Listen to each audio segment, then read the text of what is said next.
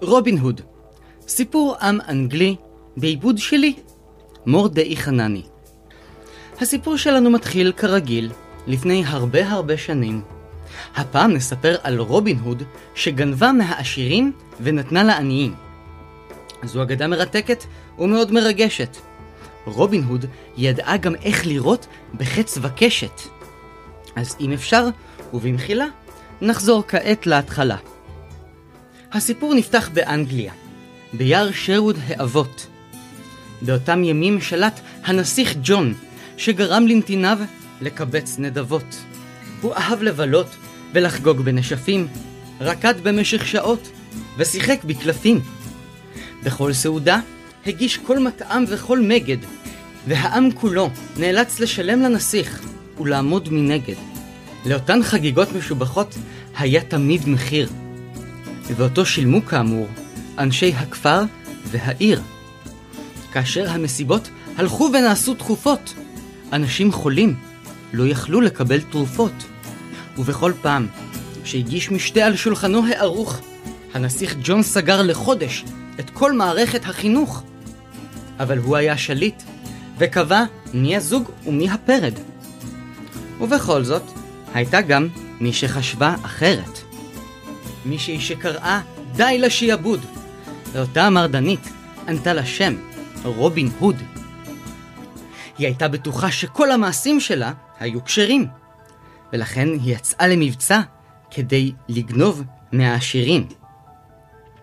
את הכסף היא חילקה לתושבי הכפרים, ללא הבדל מין דת או כל שוני. הכסף עבר למשפחות שחוו מחסורים, וחיו מתחת לקו העוני. היא פעלה בסתר, מתוך מערה חבויה, ושמרה תמיד על זהות בדויה. היא ידעה שמחפשים את רובין הוד מכל עבר, ולכן העדיפה שיחשבו שהיא גבר. אנשי שרווד היו פטפטנים, מה שנקרא קאצ'קס. אבל ממילא באותה תקופה, כולם הסתובבו בגטקס. היו מעט אנשים שרובין הוד רכשה להם אמון. אחת מהן הייתה בת הזוג שלה, אשר ענתה לה שם ג'ון. וכדי לא לבלבל עם הנסיך ג'ון חסר התקנה, נתן לפנה לבת הזוג בשם ג'ון הקטנה. יום אחד השתיים הכינו גשר ממולכד. הן סיפרו לבואו של רב הפקד. הוא יצא לאסוף שוב כסף מכל תושבי הסביבה. כל אחד חייב לתת, כלומר, רק אם הוא עני. זו הייתה חובה.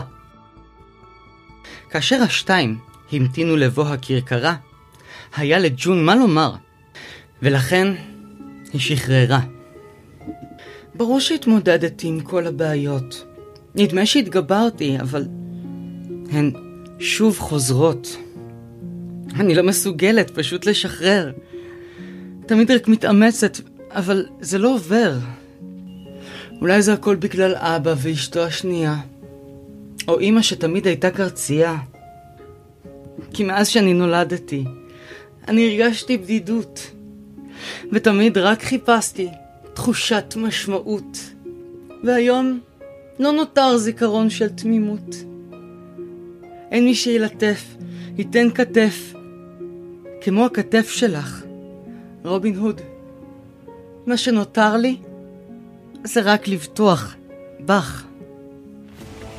ג'ונה קטנה לא סיימה את הסיפור, ומרחוק נשמע קול של שקשוק וצרצור.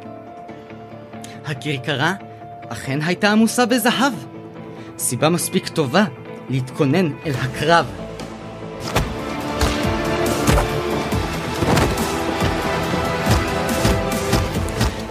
הם לקחו את השקים, אשר נשדדו מכל תושבי הכפר, והכינו סירה עם משוטים, שתבריח אותן על הנהר. באותו הערב חזר לארמון רב הפקד, לגופו רק תחתונים, וכל כולו רעד. הוא סיפר שלשודדים היו פנים רעולות. נלחמתי בהם באבנים, באלות, במקלות! אבל הנסיך ידע כי מדובר באויב שרודף אחריו כבר שנים, ואת כל הכסף שהנסיך גונב, אותו בריון מחלק לעניים. הנסיך מרוב כעס לא ידע את נפשו, והכריז שרובין הוד מבוקש, ויש פרס על ראשו. לאחר שהנסיך סיים, היה עליו לגשת, לפתח ולקדם תחרות ארצית של חץ וקשת.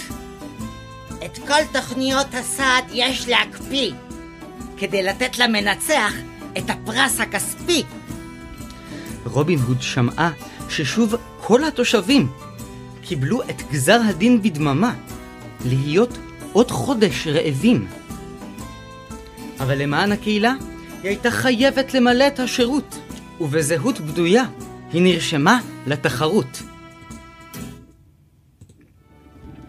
למחרת רובין הוד נקטע את אשפת החיצים, ובזוג עיניה רשפי אש נוצצים. היא חידדה כל חץ במיומנות של מקצוענית. היא רצתה כבר לממש ולהתחיל את התוכנית. וכאשר רובין הוד סיימה להכין את אשפתה, ג'ון הקטנה נכנסה אל תוך הבקתה. היא רצתה לדבר מכיוון שהבינה את המשמעויות של כניסתה של רובין הוד אל גוב האריות. להשתתף בתחרות בחצרו של המלך הרשע? היא חייבת לקחת אחריות, מה אם תתפוצץ כל הפרשה? אבל בת הזוג, נושאת הקשת והחץ, אמרה שהיא מוכרחה להשקיע ולהתאמץ. ג'ון שאלה את רובין, למה חשוב לה? מה יהיה לאנשים לומר?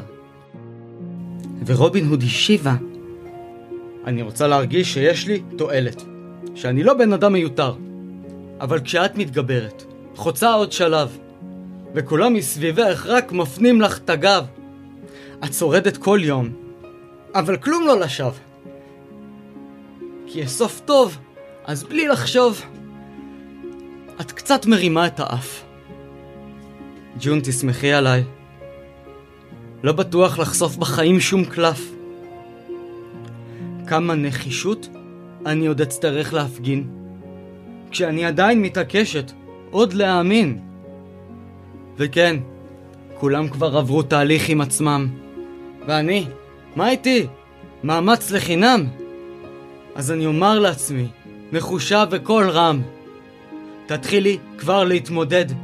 אין חלומות לנטוש, רק פסגות לכבוש. ואת אומרת לי, לוותר עכשיו מראש? ג'ון הבין את הנימוק והפירוט, ונתנה את ברכתה לרובין הוד שתצליח בתחרות. אני יכולה רק להבין שקשה עכשיו לתת חיוך קטן שמביע הבנה?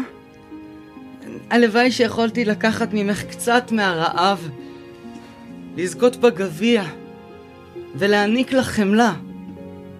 אחרי הכל את בן אדם טוב, אין בך רוע, אין אכזריות.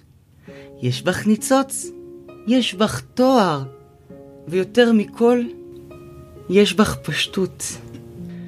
רובין הוד, את קצת מתנהגת כמו ילדה. עוצרת בכוח את הדמעות שלא יפרצו, אבל שתדעי, וזאת עובדה, אנחנו ביחד.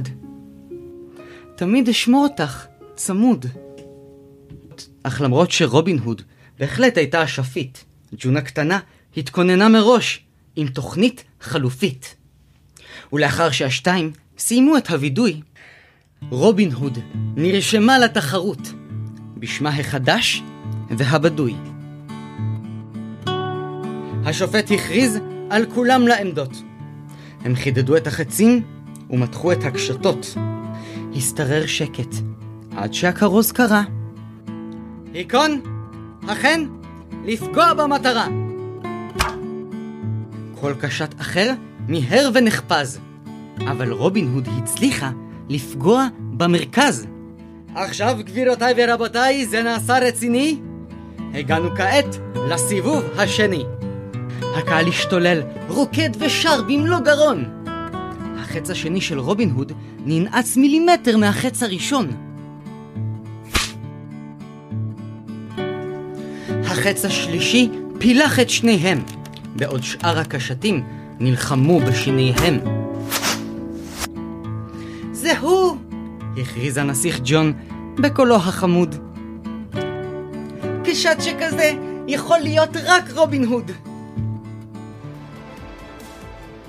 השומרים הסתערו מבלי להמתין להזמנה, ומי שהצילה את המצב הייתה ג'ון הקטנה. היא ריתקה על הקרקע את הנסיך המרושע. עזבו את רובין הוד! ומיד! זו דרישה! הנסיך פקד על השומרים לסגת. מי את יותר רעה מאחותי החורגת. השתיים נמלטו ליער שרווד האפל, הרחק מהארמון של אותו נסיך שפל.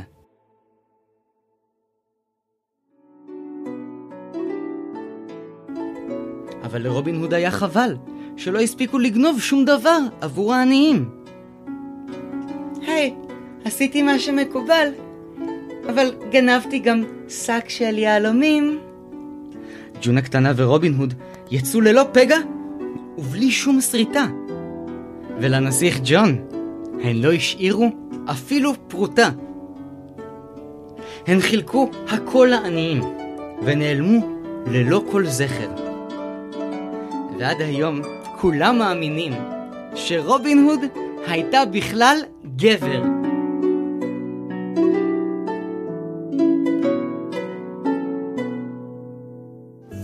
תודה שהאזנתם לפרק.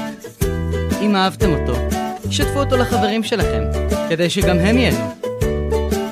אני מורדאי חנני, ואנחנו נתראה בפרק הבא.